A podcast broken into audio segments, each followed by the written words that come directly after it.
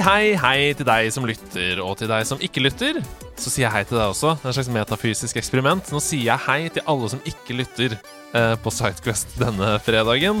Eh, men aller mest hei til deg som lytter, og veldig koselig at du har valgt å sette på denne episoden av fem spill du ikke kan gå glipp av, med en fyr som eh, ja, på mange måter jeg så opp til i mange år, før vi starta med nerdelandslaget sjøl.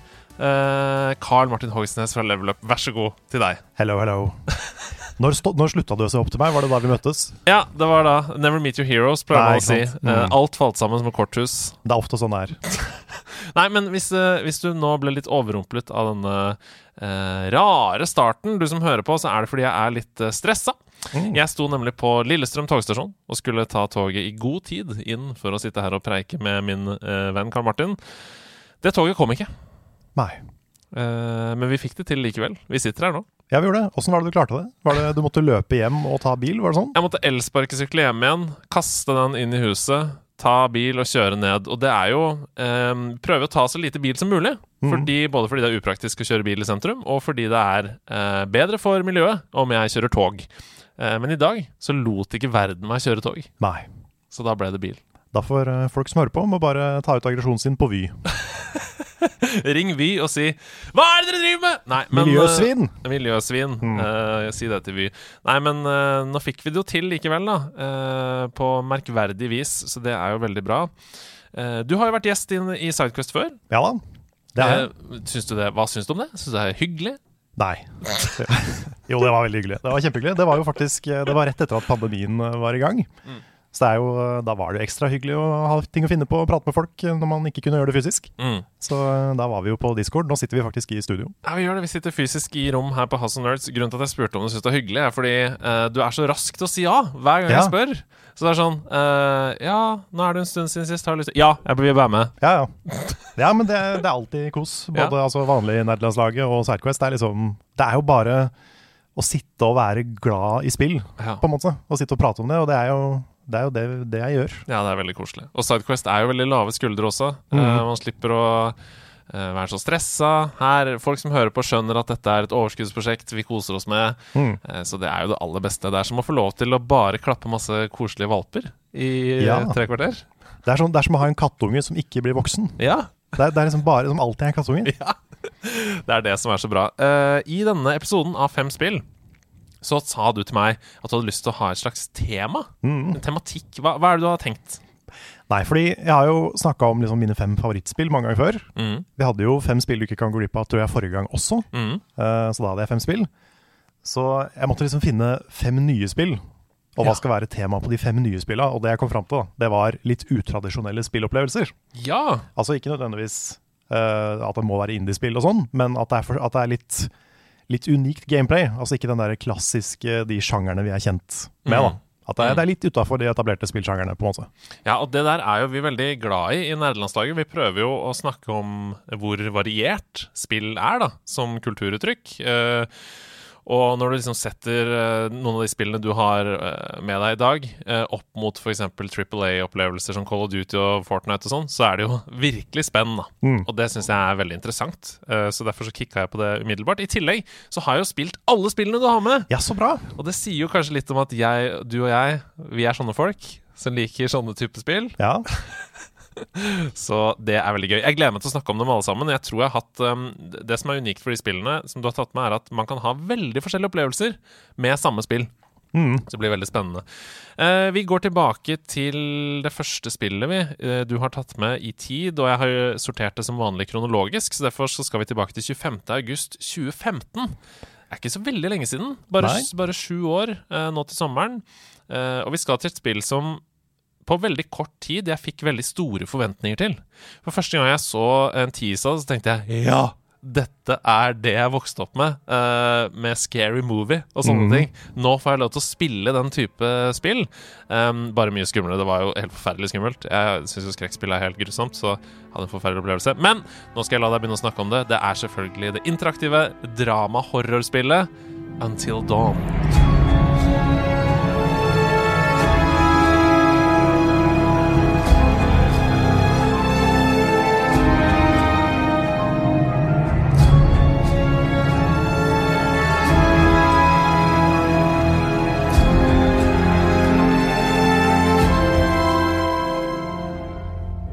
Until dawn. Until Dawn. Until dawn. Vi må si det mørkest mulig. Det blir kulere og mørkere. det. Until dawn.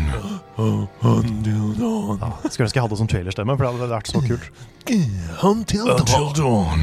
Oi, wow! Du var, har det jo! Det var nesten. Det var nesten. Men jeg må, jeg må liksom vrenge, jeg må vrenge stemmebåndet for å få det til. Ja, for jeg bare knekker. Jo Ja. mørkere, jo lysere blir det. Ja, sånn, det blir- Mm. Until Dawn. Until dawn. Saklig. Plutselig ble det spillet mye mindre skummelt. Ja, det gjorde det. det gjorde det. Velkommen til Until Dawn. Velkommen til Jeg skal snakke om skikkelig skumle spill, ass. Det- Nei, men Until dawn eh, kom jo, som du sa, i 2015. Mm. Eh, og dette er jo eh, da Supermassive Games som står bak. Mhm. Og de har jo, eh, hvis du har eh, spilt eh, andre lignende horrorspill i nyere tid, så kjenner du kanskje dem fra, fra det. De, har Mm. lagd, eh, de jobber jo nå med The Dark Pictures Anthology, Ja, som er det samme som Until Dawn, egentlig bare i mindre skala. Ok. Så det er kommet tre, uh, tre episoder i The Dark Pictures Anthology, da, på en måte. Mm -hmm. uh, jeg har jo anmeldt alle tre, for jeg er så glad i det, det her. Og nå kommer jo veldig snart The Quarry, som også er et nytt spill fra de Mhm. som er veldig Until Dawn, virker det som. Men dette er jo da uh, på en måte en slags interaktiv film, en interaktiv skrekkfilm, hvor alle kan overleve, Mm. og alle kan dø, Mm. basert på dine valg. da. Så du, du får jo alle de der klassiske skrekkfilmscenarioene med skal du gjemme deg, skal du løpe, Mm. skal du gå sammen, skal dere split up and cover more ground, Mm. alle de ting her. Mm. Eh, og du får lov å velge hva du skal gjøre. Og det er jo litt det man sitter og gjør når man ser på sånne filmer. Ja. Det er sånn, ja, men du kan ikke gjøre det, for nå er du utrolig dum! ja. Men så kan du ta valga isteden. Mm. Og da kommer da konsekvensene av de, og de er ikke alltid, alltid åpenbare. Nei, og det er så spennende, fordi i middel, umiddelbart når du starter denne, mm, dette spillet, så er det jo nøyaktig det samme som i alle andre typer skrekkfilmer, sånn som Fritt vilt og sånn. Skal på Mm. hyttetur. Ja, det er en ungdomsgjeng som skal på hyttetur. Alltid. Og så har de sånne pranks som ikke er så sympatiske. Og så går det noen pranks for langt, og så Ja. plutselig så kanskje ikke det var en prank, Nei. kanskje det er noe mer der. What? Eh, og det er da åtte ulike karakterer som du bytter på å styre. Mm. Og det som er eh, bra også, syns jeg, da eh, i, en, i en slags filmsammenheng så ville det kanskje ikke vært så bra, men i, i denne sammenhengen så er de såpass ulike hverandre, de karakterene. Noen ville kanskje si karikerte. Mm. Eh, som gjør at de er lettere å skille fra hverandre, og at du får et veldig type sånn Ja, som du snakker om, da, forhold til hver av karakterene. Nei, ikke gjør det, for du er jo ikke sånn, for Mm. eksempel. Og det er jo lettere når ting er svart-hvitt, ikke sant? Ja. Mm. Men ja, du driver og mm, Kommer deg gjennom en skog der. Det er mørkt. Du, skal, du, skal, du må selvfølgelig finne ved. Det er sånne ting. Mm. Uh, og, og dette horror-tingene spiller seg ut. Da har du greid å komme gjennom det uten at noen har dødd? Ja, det er jeg. Det er helt sjokkerende Men ikke, ikke første gang. Nei, det, det det, hadde, da hadde jeg anklaget deg for juksing. Ja. Men, men Nick i Level Up, han, han klarte det, selvfølgelig. hva er det med han? Jeg vet, er, ikke, jeg vet ikke hva det er med Nick. Ja. Nick bare får til ting. ja, han, Han er, er, en eh, av verdens beste spillere, jeg er helt sikker på. en slags savant. Han, han lever i en slags parallell univers. Han er som Matrix. Altså han er som Neo Ja, i han. Matrix. Han ser koden Det er helt når han spiller. Mm. Det er Så- veldig sjokkerende. Mm, han gjorde det på stream, så det er til og med bevis på det. Ja, det er Det er bare å bøye seg i støvet. Ja, det er det. Altså. Og det Det er er det. jo selvfølgelig eh, veldig imponerende. Men er det kanskje en evne til å forstå historiefortelling, da? Kanskje det er det Jeg som er tar Han- de rette valgene? Han er jo veldig glad i film, da. Ja. Uh, Så kanskje det er det at han plukker opp liksom alle disse trådene. Og bare, Mm. nei, ok, Hvis jeg gjør det her, så er det veldig logisk at jeg dør. Og da, Mm. for det er jo sånn banke på en, en sjakt i en, uh, i en gruve. Det er ikke sikkert du skal åpne den sjakta. Kanskje ikke det er lurt. Jeg er nysgjerrig. Ja, ja for jeg også er sånn der, ok, det virker som jeg kommer til å dø, men tenk om jeg får noe bra i stedet. Jeg om jeg får lut. Ja, tenk om det er guns inni der, og så dreper vi monsteret. Ja. Ja. Så nei, det er mye sånne ting. Og så er det jo selvfølgelig den, eh, den scenen hvor et uh, kjærestepar skal ha seg Mm. i en veldig skummel sånn liten hytte på sida av den egentlige hytta. Hvorfor går de dit? Nei, hvorfor går det dit? Det er jo ikke lys der. Altså, det, er, det, er bare, det er ikke safe. Jeg, jeg skjønner at de vil ha privatliv, det skjønner jeg, men Mm. det er Ja, kanskje det er, det er såpass tidlig i spillet òg at det er kanskje ikke etablert seg at det er farlig enda. Og da er det litt bare sånn Ja, sånn, ja. Vi er på siden av huset. Mm. Ja. Det er ikke egentlig noe farlig her. Nei. Nei. Det er bare vinter, liksom. Ja, og den lyden er bare, det er bare vind. så, nei, men uh, dette er, det jeg liker så godt med de spillene her, da, Ja. uh, det er jo det at eh, du kan sammenligne de veldig med spillene til David Cage, Mm. sånn Heavy Rain og sånne veldig veldig filmatiske spill. Mm. Bare at de er bra, disse her. Ja. Fordi dette er på en måte det vi hadde fått hvis David Cage var flinkere. Det er litt, litt slemt å si. ja. Eller i hvert fall flinkere til å begrense seg, da, kanskje. ja, og flinkere til å ikke ta seg så utrolig alvorlig. ja, det er sant. Fordi spillet hans har jo ikke en eneste vits i seg. Nei. Mens dette her er litt sånn med på vitsen. Mm. Fordi det er vanskelig å lage et filmatisk spill som ikke er litt kleint. Mm. Fordi vi er fortsatt ikke 100 der med ansiktsanimasjoner og med Ja, ja, eh, det de tingene der. sånn Valley. Det blir veldig fort det. Mm. Mens her så er de litt med på det. Og de leker med alle klisjeene og stereotypene og på en måte omfavner de istedenfor å distansere seg fra de. Mm. Og da funker det så mye bedre. Ja. er helt enig. Og jeg syns jo det var kjempeskummelt da jeg spilte det. Eh, Jeg var livredd flere ganger, og spesielt er det noen sekvenser inni hytta der hvor du plutselig er nesten alene, og det er bare sånn skygger som Mm. rundt omkring og sånn. Oi, oi, oi, oi. Jeg er pinglete, altså. Jeg veit det. Men Eh, jeg er nok mer pinglete enn deg. ja. Jeg liker jo ikke skrekkfilm engang. Så jeg vet ikke helt hvorfor jeg liker dette her.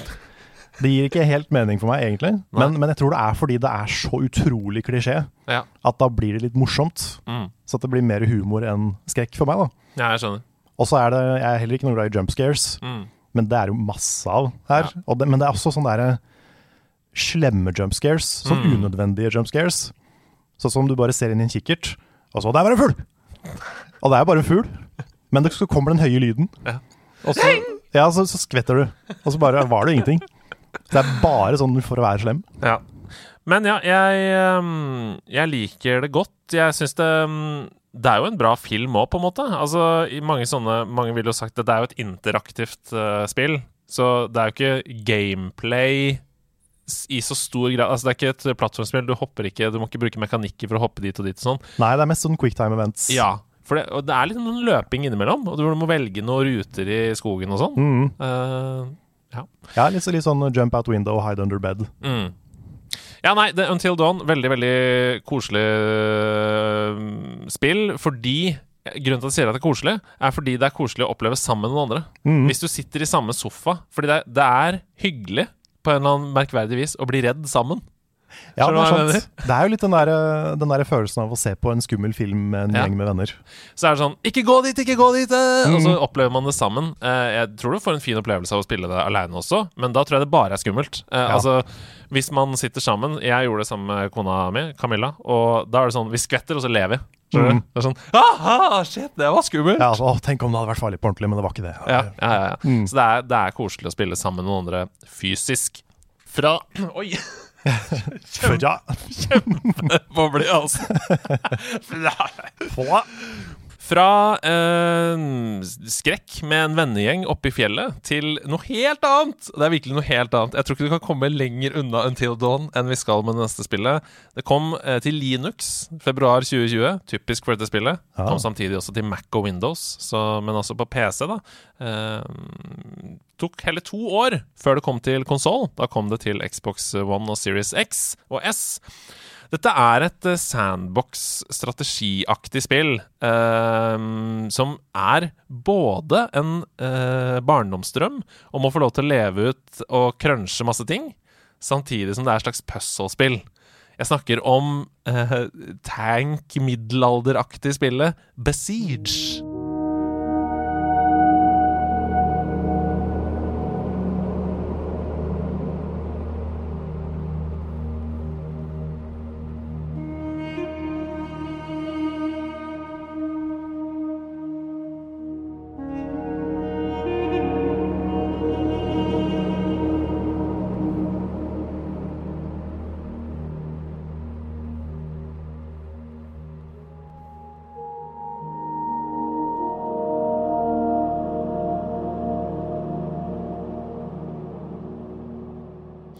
Besiege. Mm. Jeg visste faktisk ikke at det kom på Linux.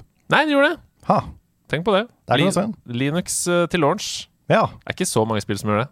Nei, det er ikke det. Nei. Dette er også et spill som var i Early Access veldig lenge. Ja. Uh, men, uh, og det var da jeg spilte det først, så jeg spilte for mange mange år siden. En streamerfavoritt ganske tidlig. Ja, det, det ble litt sånn Det var litt sånn YouTube-bait, Mm. føler jeg. Mm. Fordi det var så mye sånn fysisk humor i det. Mm. Og det var sånn jeg også fikk lyst til å prøve det. For jeg så, jeg tror det var Game Grumps som spilte en episode av Besiege. Mm. Og det, da, da forelska jeg meg litt i det spillet. Fortell hva det går ut på. Hva er det du skal på i en vanlig level? Nei, det er litt sånn, hvis du ser for deg å dra på en sånn derre Nå er, tror jeg ikke vi har det i Norge, men sånn robotfighting-turnering. hvor du, liksom, folk har bygd roboter, og så skal de slåss. I sånn eh, hekta hexagon? Sånn cage? Ja, i så, ja, sånn battle cage. Ja. Se for deg det, bare i et spill. Mm. Og jeg er ikke smart nok til å bygge en robot. De fleste er jo kanskje ikke det. Men, eh, men i spillet her da, så er det veldig lett. For Mm. da, da får du sånne forskjellige blokker med forskjellige funksjoner. Og så setter du sammen en sånn liten tank, en liten sånn uh, drapsmaskin, liksom. Mm. Og så skal du ødelegge en ting på kartet. Mm. Og du kan sette på hjul, men da må du også på en måte uh, fortelle spillet hvilken vei hjula skal gå. Mm. Og det å bare få en maskin til å svinge er jo et, et, en prosess, da, liksom. Mm. Og da skjønner du, for du kan jo styre med piltastene, eh, og så kan du også montere f.eks. kanoner på denne, så du kan skyte samtidig. Eh, men da skjønner du f.eks. sånn Å ja, det er derfor man har støtdemper i bil, ja. For Ja. hvis, jeg, hvis jeg treffer en eh, bump i terrenget uten støtdempere, så knekker jo bare akslingen. Ja, for det er ofte det første som skjer, at hele bilen bare knekker. og, og så finner du ut etter hvert at uh, kanskje det er Kanskje det å liksom svinge med en sånn hengsel, for det er det første man tenker på. Mm. Uh, bare sånn liten sånn hengsel som skal få hjula til å eh, henge sammen. Mm. Fordi du må da svinge, for du, du kan jo ikke svinge med en bil som er uh, altså, som bare er en firkant, Mm. for da får du jo ikke den bevegelsen. Så den hengselen detter jo av med en gang. Den tåler ingenting. Nei. Og da må du begynne liksom Ok, hva hvis jeg går inn på properties på dette hjulet og keybinder om, sånn at uh, hvis du trykker på pil ned, så, så går det ene hjulet fram og det andre hjulet tilbake. Mm. For da svinger du. Mm. Og sånne ting er som jeg aldri har tenkt på. Men som jeg må begynne å tenke på da når vi lager de maskinene her. For det er jo prinsippet i olabil. Ja, Da setter du jo to hjul foran på en, på en måte en planke, da. Og når du trekker med snor i høyre hjul, da, da går jo venstre hjul fram. mm. Og da svinger du. Og sånn er det jo. Du svinger ja det, er, med det er litt sånn det blir. Ja. Det er veldig kult. Det er som å bygge en olabil, det spillet her. Absolutt. Um, og det er jo Altså, du kan bygge de mest naive, uh, enkle strukturer som får jobben gjort, og du kan Mhm. virkelig legge timer i noe som er superavansert. Og det er jo det beste eksempelet på en vellykka sandbox, når, når det både er eh, enkelt, men også dypt, da, når du kommer Mm. ut i det, liksom. Ja, for det er jo folk som har eh, Både folk på internett. Det er alltid, alltid flinke folk på internett. Ja. Som har laga helt sånne ville ting. Ja. Eh, sånne vakre flyvemaskiner og sånn. For du kan jo også fly. Det er utrolig vanskelig å lage en maskin som kan fly, ja. men det er mulig, da. Så Du kan styre lufta og sånn, men det, det da, skal du, da skal du vite hva du driver med. Altså. Ja. Jeg måtte følge en guide for å lage en, eh, en flymaskin, Ja. men den ble kul, da. Ja. ja, men det er jo For det er det neste mm, aspektet med dette spillet. At det er litt sånn Lego Technics-følelse òg. Ja, det er sånn, litt sånn Lego, litt Minecraft. Mm. Kanskje litt Fortnite i det å, det å på en måte bygge et eller annet som har en funksjon. Mm. Men, eh, men det som gjør det så kult, er alle de alle de propertiesa som du har på de forskjellige blokkene. Mm. Sånn som en jeg er veldig glad i, det er en sånn springblokk. Ja. Hvor du, du kan lage en liten nettmaskin, og så kan du trykke på en knapp som du velger hvilken knapp det er. Og så kan du liksom bare bounce og bli sånn tre ganger større enn den egentlig er. Og så er det kanoner inni der, ja. som du da kan skyte når du har lyst. Selvfølgelig. Så eh, jeg har laget så mye weird i det spillet. Ja. Jeg syns jo det er en av de tingene med spillet som er veldig bra, er at de har de samme, de samme mekanikkene som Super Mario Maker.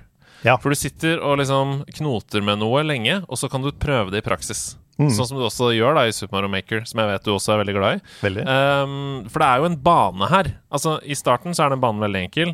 Kom fram og kjøp på et hus, så Mm. vinner du. Etter hvert så blir det veldig avansert. Du må knuse deg gjennom en borggård, så må du dodge noen miner, så skal du hoppe over noe. Ikke sant? Det blir Mm. mer og mer avansert. da Så uh, spillet er veldig todelt. Det er denne koselige byggetingen hvor du kan sitte og fikle med, og så er det den liksom action-delen etterpå. Mm. Har du noen eksempler på noen sånne baner som du syns er gøy? Som du har uh... Ja, det var én. Uh, det var den der hvor det er en uh, svær borg, Mm. hvor du må gjennom en sånn vegg. Og noe av det eneste som kan ta ut den steinveggen, Mm. det er bomber. Ja. Og bomber, hvis du har de på bilen, så sprenger jo du òg. Og det hjelper, det, det, det går det jo ikke. Nei. Så det jeg gjorde da, det tok veldig mange forsøk. Mm. Det er at jeg bygde en sånn dispenser. Altså en sånn Pez? Ja, en liten, altså en liten sånn boks. Eh, og så prøvde jeg å putte ballonger på den boksen, Ja. sånn at den skulle fly opp i lufta. Mm. Og forhåpentligvis da, så skulle de, de bombene rulle ut av, av den dispenseren og treffe. eh, og det var sånn, jeg brukte sikkert 40 forsøk. Fordi de 39 første, så sprengte bare min. Ja. Um, det er litt, så Du føler deg litt som sånn Wiley Coyote-figur, hvor du liksom bare Nå, nå går det. Mm. Jeg har jobba med dette her kjempelenge, og så Ja. bare sprenger du. ja.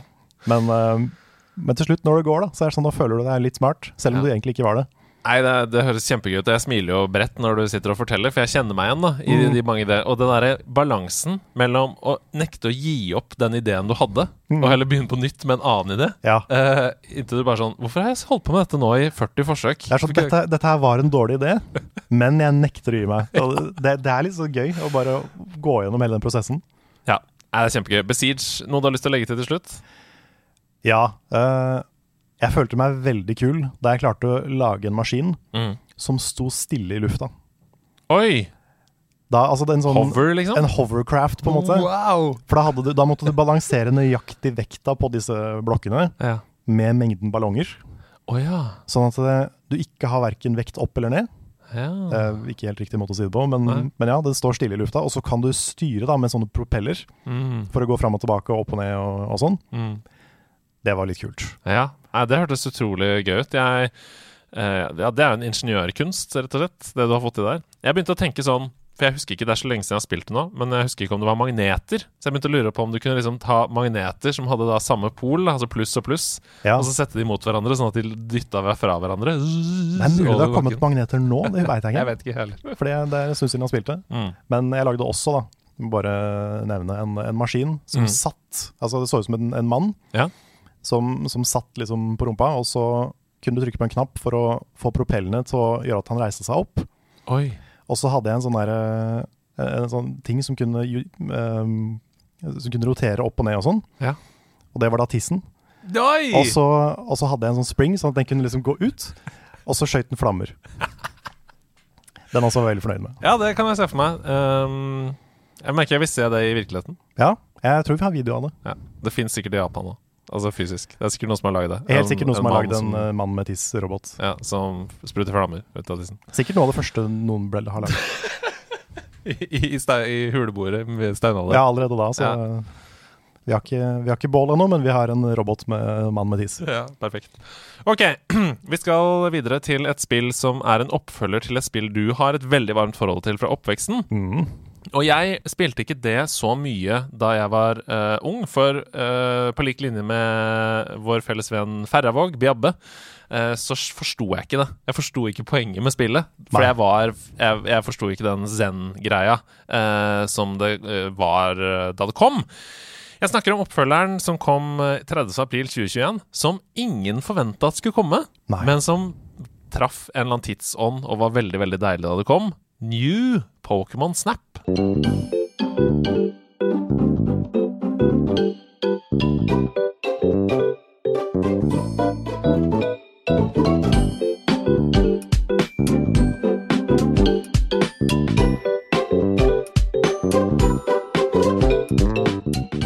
New Pokémon Snap. Mm, Dette er et spill jeg har drømt om i mange år. tenk på det.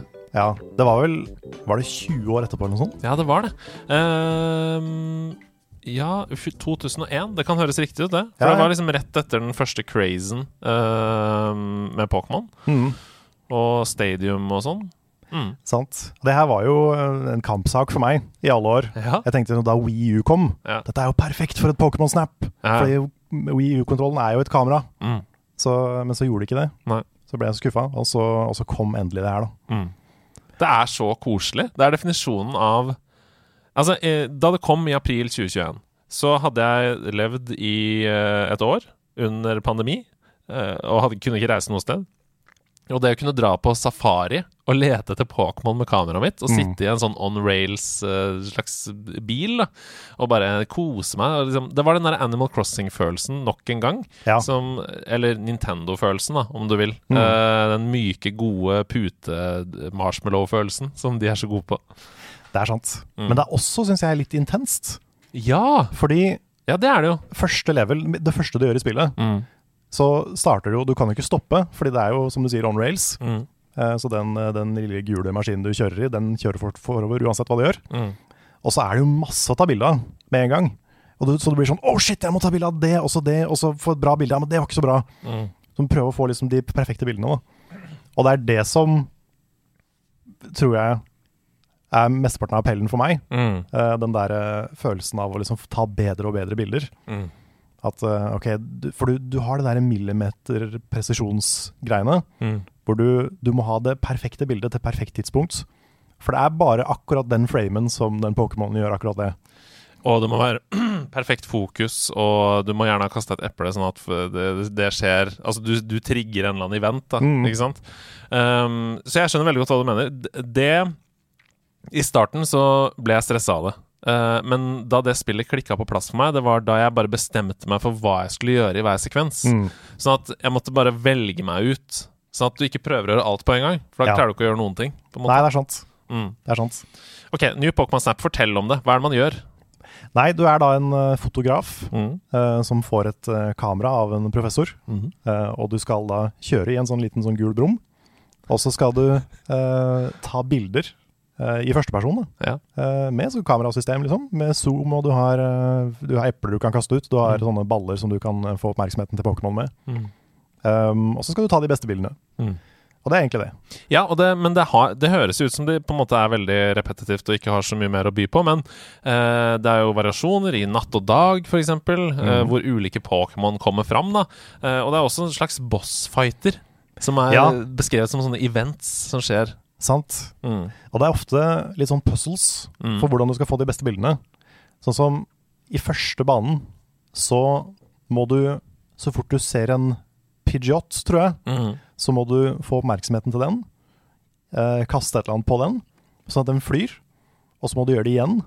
Og så eh, kommer den til å dukke opp på toppen av et tre, Mm. og da må du også gjøre noe. Og hvis du har gjort alle tinga, som ikke du får noe hint om, Mm. så det er bare sånn du må prøve deg fram, da, hvis du gjør alle de tinga perfekt, så kommer den til å stupe ned og ta tak i en Magikarp og fly av gårde. Mm.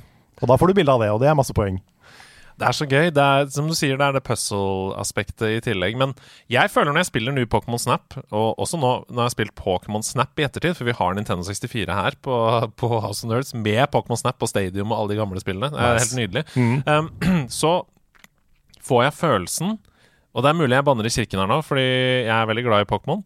Uh, jeg får mye større grad følelsen av å leve i en Pokémon-verden Ja. enn jeg gjør ved å spille et vanlig Pokémon-spill. Mm. Jeg spiller Pokémon Black nå på 3DS eh, og syns det er kjempegøy. Eh, Men det er jo det samme Altså, jeg går rundt og møter Pokémon i høyt gress, som jeg fanger og tar med meg. Og jeg er på en måte på utsiden av Pokémonene sin verden. Mm. Men i New Pokémon Snap så blir jeg sluppet inn i naturen, der hvor de lever.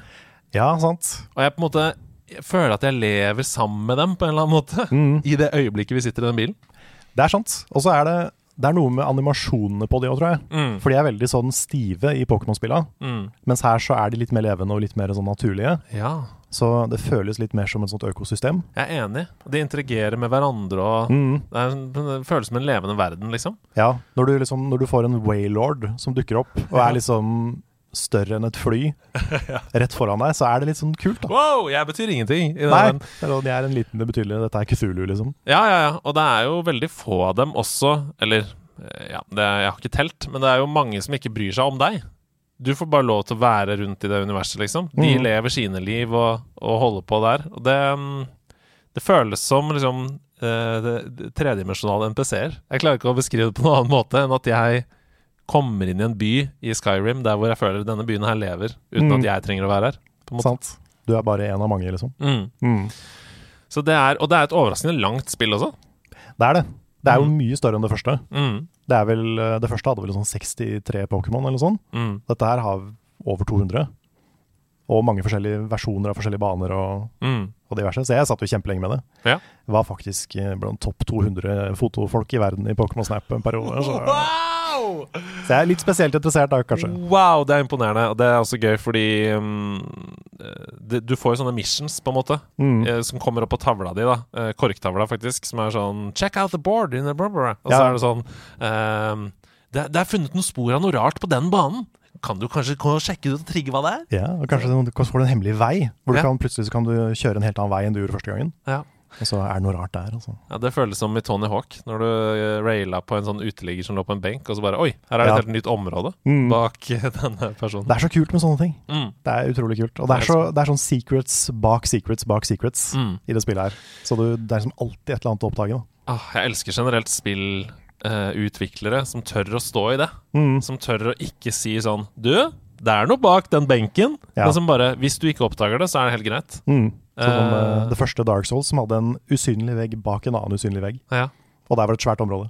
Eller den uh, famøse uh, hullet bak fossen i Elden Ring, uh, som mange snakker om. Ja. Um, ok, jeg tror vi skal gå videre. men jeg merker at det er mye stoff her til andre type innhold i Sidequest. Vi kan snakke om hemmelige områder i spill, f.eks. Mm. Det hadde vært veldig gøy. Eh, videre til en, eh, et spill som jeg ikke visste at skulle komme før det kom, men som endte opp med å bli et av mine absolutte favorittspill fra 2021. Og det er helt uh, utrolig. Uh, det er jo rett opp min gate. Jeg har spilt masse Heartstone, spilt masse Slay the Spire. Jeg elsker den type spill. Uh, og da dette kom, så det var på grunn av deg, Carl. Ja. Jeg hørte det? hørte på Level Up, du snakka om det. Det var der første gang jeg hørte om det. Så tenkte jeg dette må jeg sjekke ut. Dette er perfekt for meg. Uh, 19.10.2021, kun til PC. Jeg snakker om kortspillet Eller rogelike-kortspillet. uh, Inscription. Inscription.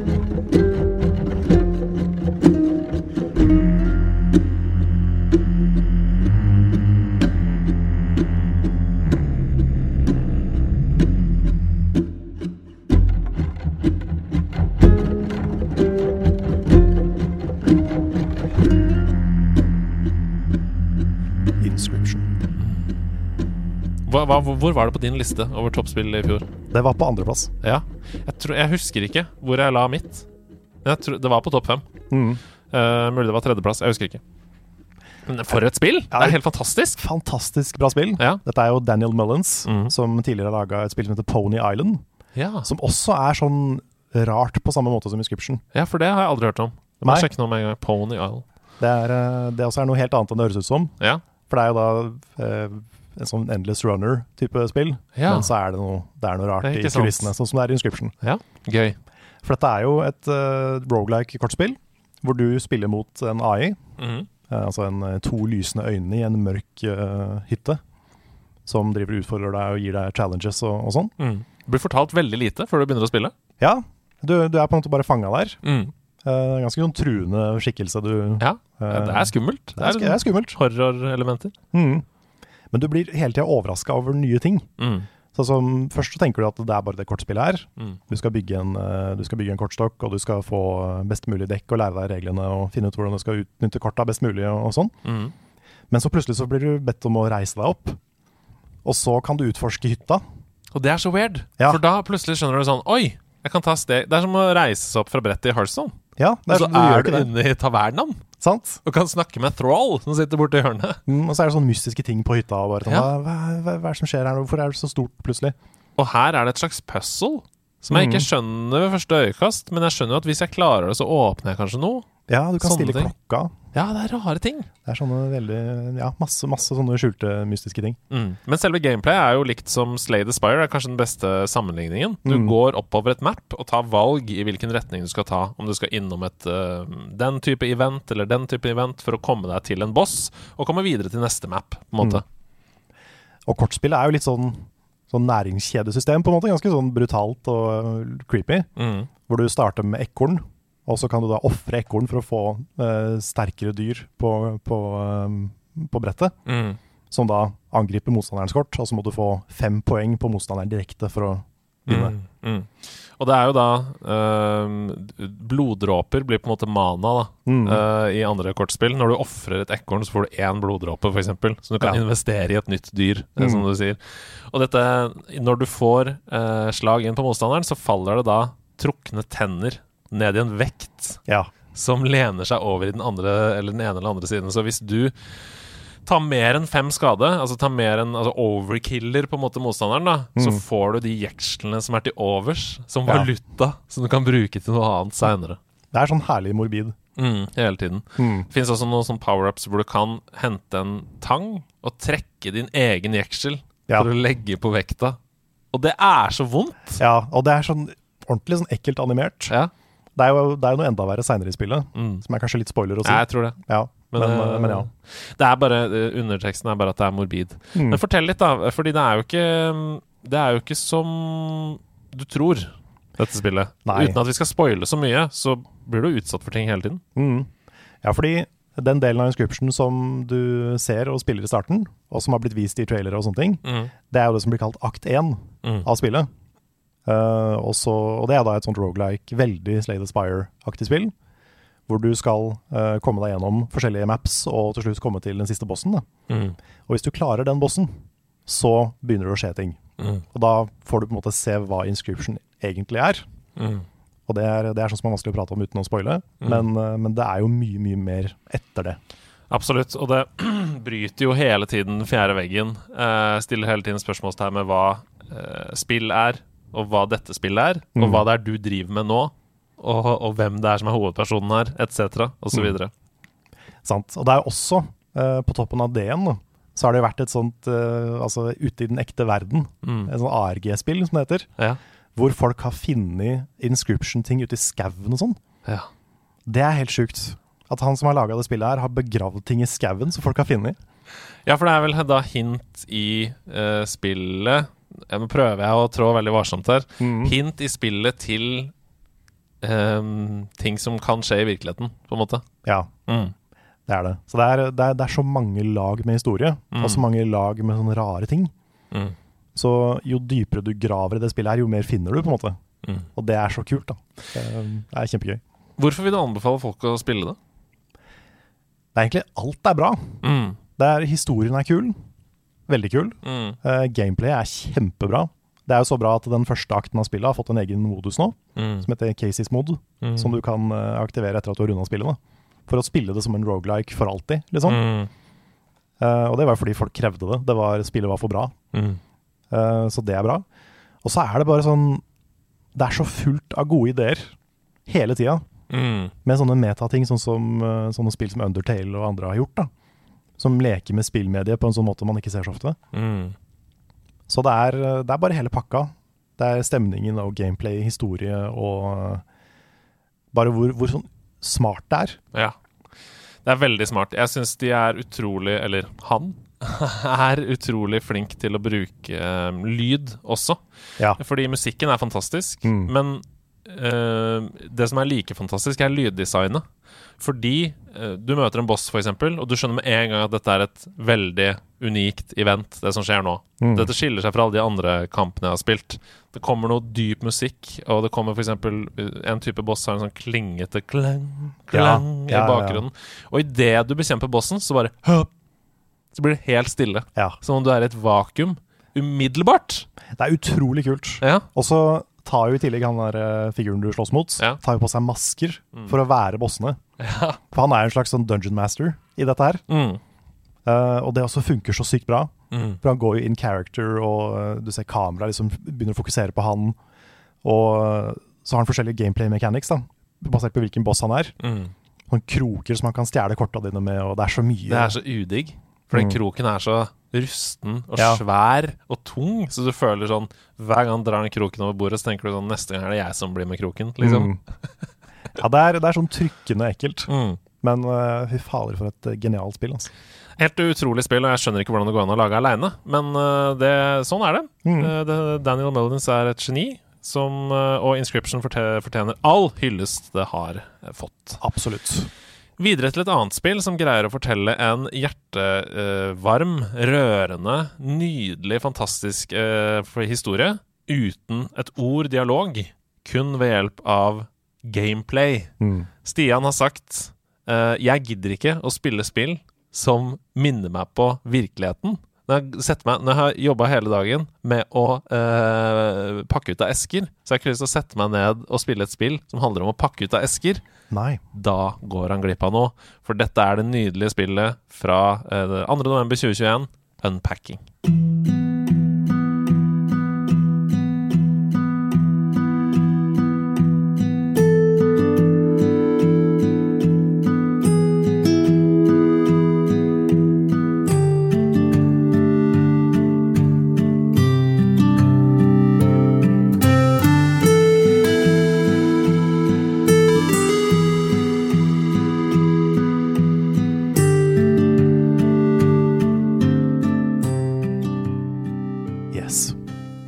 Unpacking det er altså rett og slett det det er. Det er et spill som handler om å flytte inn og flytte ut Mm. av, av steder. Pakke ut og inn av esker. Og det er det eneste du gjør. Ja. Det er bokstavelig talt det eneste du gjør. Det er da sånne isometriske uh, 2D pixel art eh, maps, hvor du har masse esker, skal pakke ut av de, og du begynner da som et lite barn uh, som har fått uh, sitt første egne rom, liksom. Mm. Så da pakker du ut bamsen din og en liten Gameboy og sånne ting. Så det er en person som var liten omtrent kanskje da vi var små. Mhm. Litt den generasjonen av eh, spillkonsoller og leker og, og sånn. Mm. Um, og uh, i starten så er det bare det. Du skal innrede rommet ditt, liksom. Men så, uh, når du er ferdig med den banen, da, så uh, går du videre til neste.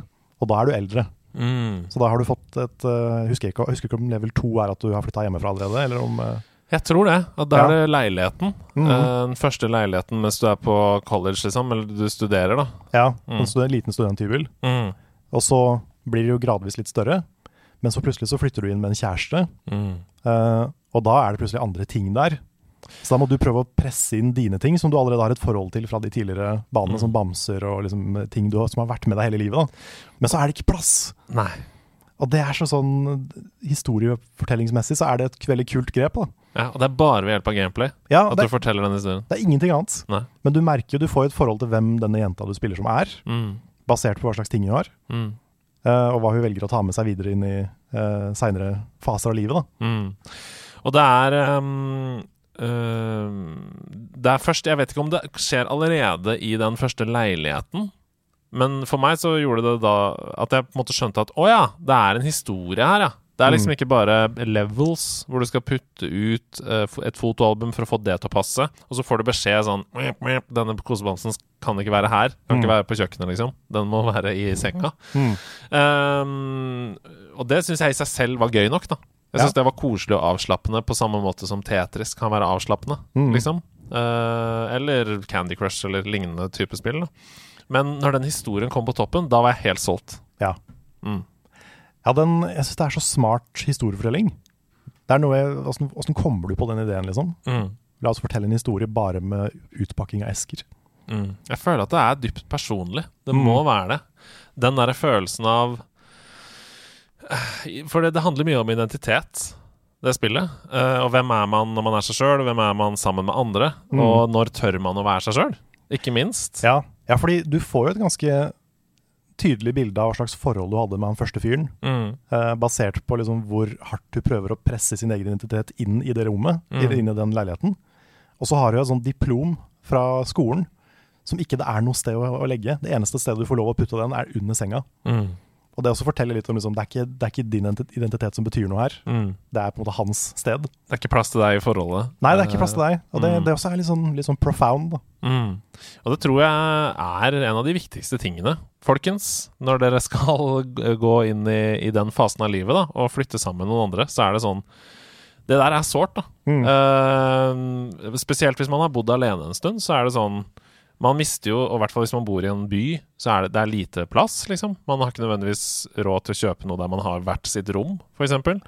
Eh, til, å, til å ha me-time i. da Så det å gi hverandre plass i samboerskapet, sånn at når man sitter i stua sammen, så føler man at man har lave skuldre. og Det er som å være aleine, liksom. Mm. Det tror jeg er helt alfa og omega da, eh, Ja, for ja. å få det til å funke. Mm.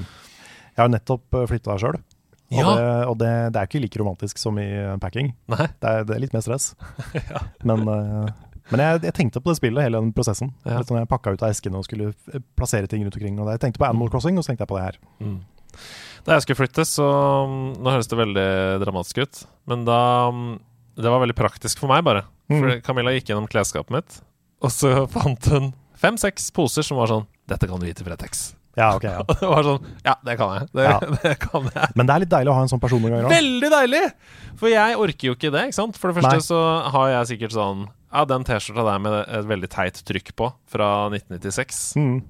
den, den Det er kanskje ikke så viktig å ta vare på. Nei, men det, det er litt sånn. Ja. Jeg har, jeg har aldri Jeg har aldri tenkt på meg sjøl som veldig macho. Nei. Men jeg har aldri følt meg som mann heller, som da jeg var på Ikea og skulle plutselig ta beslutninger om gardiner. Ja. For det er sånn, jeg har oppdaga at jeg har bare ingen antenner. Det var sånn, Jeg fikk sånn panikk Ja. da jeg ble spurt om hvilken gardin var finest. ja. Så da er det veldig greit å ha noen andre som bare Å ja, det er sånn du skal mm. Ja, fordi jeg er helt enig. Jeg kan leve med veldig mye. Men når noe er skikkelig fint, da klikker alt på plass, liksom. Mm. Og jeg vet ikke hvordan jeg kommer meg dit. At det er fint. Nei, nei jeg, må må få, jeg må få det forklart noen ganger. Ja, I hvert det, fall på gardiner og sånn. ja, og det der er Camilla helt sykt god på. Den helhetsfølelsen. da. Mm. Så det å bare kunne liksom heie det fram og si sånn Jeg gjør det du vil! Ja. Fordi da vet jeg at det blir bra til slutt. Ja, jeg får sånn, hvis, hvis du ser på meg og ber meg om å ta en beslutning, da, da bare stirrer jeg liksom into the abyss og bare hva, hva skjer nå? Jeg aner ikke. Jeg går og spiller Inscription, jeg. Ja. Da, da måtte jeg bare liksom Nei, nå må du bestemme. ja. Jeg stoler på deg. Nei, Unpacking, det er veldig, veldig koselig. Eh, ble du rørt? Jeg ble, rørt, jeg ble litt rørt på slutten, Ja. det faktisk. Og så var jeg veldig spent på hvor det var på vei. Mm. Hvor lenge skulle du følge den personen her? Mm. Fordi øh, jeg var, tenkte jo litt at han kommer rundt og blir pensjonist og sånne ting. Eh, spillet går jo ikke helt dit. Men uten å spoile hvor det går og hva som skjer og sånn. Mm. Så um, jeg var veldig spent på å se hva blir det neste. Mm. Ja, nei, vi, Jeg håper vi får flere spill fra samme utvikler. Det, har, det ligger på 86 av 100 på Metacritic, altså av journalistene. Ikke user score, men journalistene som anmeldte. Eh, og fikk 9 av 10 i Gamespot og 8 av 10 i IGN. Så det er jo et nydelig spill. Vant eh, Ble årets altså Game of the Year i Australia. Der Oi. hvor det er fra. Eh, vi hadde jo spillprisen på Eldorado nå nylig, mm. så det var den tilsvarende prisen i Australia. Ja. Litt større land, så Litt, litt større land. litt flere Litt, konkurrenter. Eh, Unpacking, veldig, veldig bra spill. eh, og viser at eh, store ting kan komme i små pakker. Åh, det er fin avrunding. Ja, veldig fin avrunding. Tusen takk for at du tok med deg fem spill hit i dag. Dette var veldig koselig. Det var det. Mhm. Veldig gøy å ha fått eh, nerda litt mer. Ja, Har du noen oppfordring til folk? For dette er jo spill som er litt annerledes. Har du noen Mhm. liksom, oppfordring på slutten her nå? Ja, kanskje, jeg kan si én ting. Mhm. eh, og det er at det er mange som spør oss i Level Up om liksom Jeg, jeg har litt sånn spill-burnout. Å, vi òg! Det er ja, mange som spør oss. sånn jeg- Open World Fatigue. Ja, jeg orker ikke å liksom spille noe. Jeg, jeg sliter med å finne motivasjon til å Mm. spille nye ting. Og det som er tips nummer én, da, føler jeg, Mm. det er prøv noe nytt. Ja. Altså Spill noe du ikke har spilt før. Yes. Få litt nye inntrykk. Da kommer veldig mye av den spillgleden tilbake. Altså. Mm. Og alle disse opplevelsene som du har sagt, eh, snakket om i dag, er jo små eh, slags condensed opplevelser. Du kan Mm. få veldig fine opplevelser ut av det bare å spille én til to timer.